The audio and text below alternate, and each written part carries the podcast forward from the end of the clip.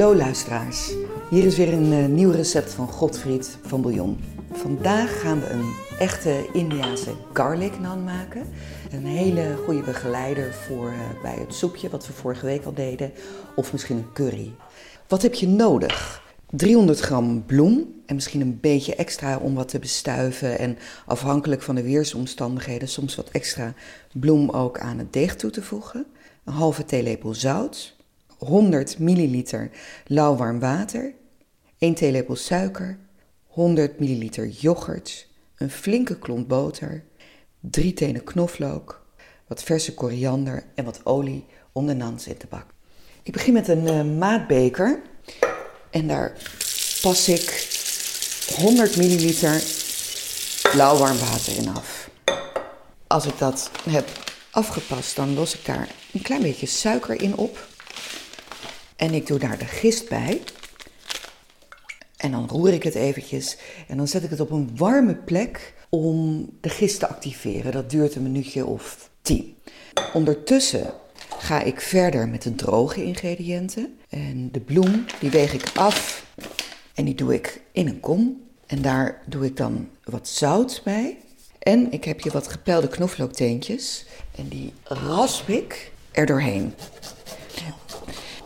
Dan mix ik dat lekker door elkaar. En ondertussen kijk ik eventjes naar mijn gistmengsel. Nou, dat mag nog wel even staan. En dat geeft mij mooi tijd om alvast wat anders te doen. Namelijk als de nan straks klaar is. Ik bak hem in de pan overigens. Dat vind ik uh, toch fijner dan in de oven. Maar als ze klaar zijn, dan besmeer je ze als ze warm zijn met knoflookboter. Dus ik zet nu net een pannetje op het vuur. En ik doe daar een flinke klont boter in, zo. En daar doe ik ook weer knoflook bij. En dat doe ik trouwens, die knoflook, niet heel fijn. Dat rasp ik niet, maar dat doe ik met de grove gaatjes van mijn knoflookpers. Doe dat erbij. Ik zet mijn vuurtje zacht. En dat laat ik vooral even geur en smaak afgeven. Um, ondertussen loop ik even naar mijn gistmengsel. En wat je ziet is dat er echt een hele mooie schuimlaag bovenop zit. Dat is precies wat we willen hebben. De gist is actief. Dan gaan we beginnen met het deeg. Nou, ruikt heerlijk vind ik altijd, die gist. Ik doe de yoghurt doe ik erbij. En dat giet ik dan nu zo over de bloem. En wat ik ook doe, ik pak een lepeltje van de gesmolten boter die ik op het vuur heb staan. Dat doe ik er ook bij.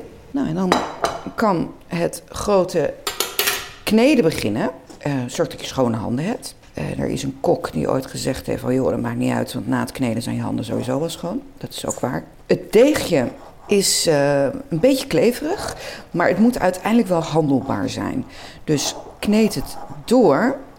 En als het te nat is, geeft helemaal niks. Dan doe je er gewoon lekker wat extra bloem bij.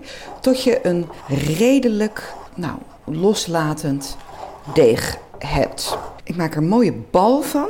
En dan dek ik hem af met een vochtige theedoek. En vervolgens zet ik hem weer op die warme plek waar ik net de gist ook had gezet. En dan laat ik hem een uur, anderhalf uur staan tot het deeg echt heel mooi bol is. En ongeveer het dubbele van zijn oorspronkelijke volume heeft aangenomen. Zo, handen wassen.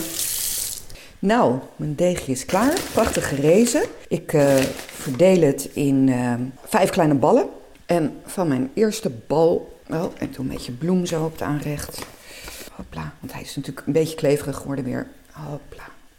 Voeg net zoveel bloem toe als nodig is hè, om het handelbaar te krijgen. Denk niet, oh, dit klopt niet volgens het recept. Nee, dat verandert gewoon hoe dat zich gedraagt. Dus voel je daar helemaal vrij in. Even kijken, ik heb een mooi balletje. Nou, kan je zeggen dat je het uitrolt met een deegroller. Dat vind ik persoonlijk niet heel handig. Ik doe het eigenlijk een beetje als een, als een pizzaatje. Ik trek er een mooi ovaal plakje van. En ik had al hier een vuurtje aangezet. Op, met een klein beetje olie in de pan. En daar gaat mijn eerste mannetje op het vuur. Als ik zie dat hij een beetje mooi uh, begint te bruinen en dat hij wat bubbels krijgt hè, van het rijzen, dan draai ik hem om.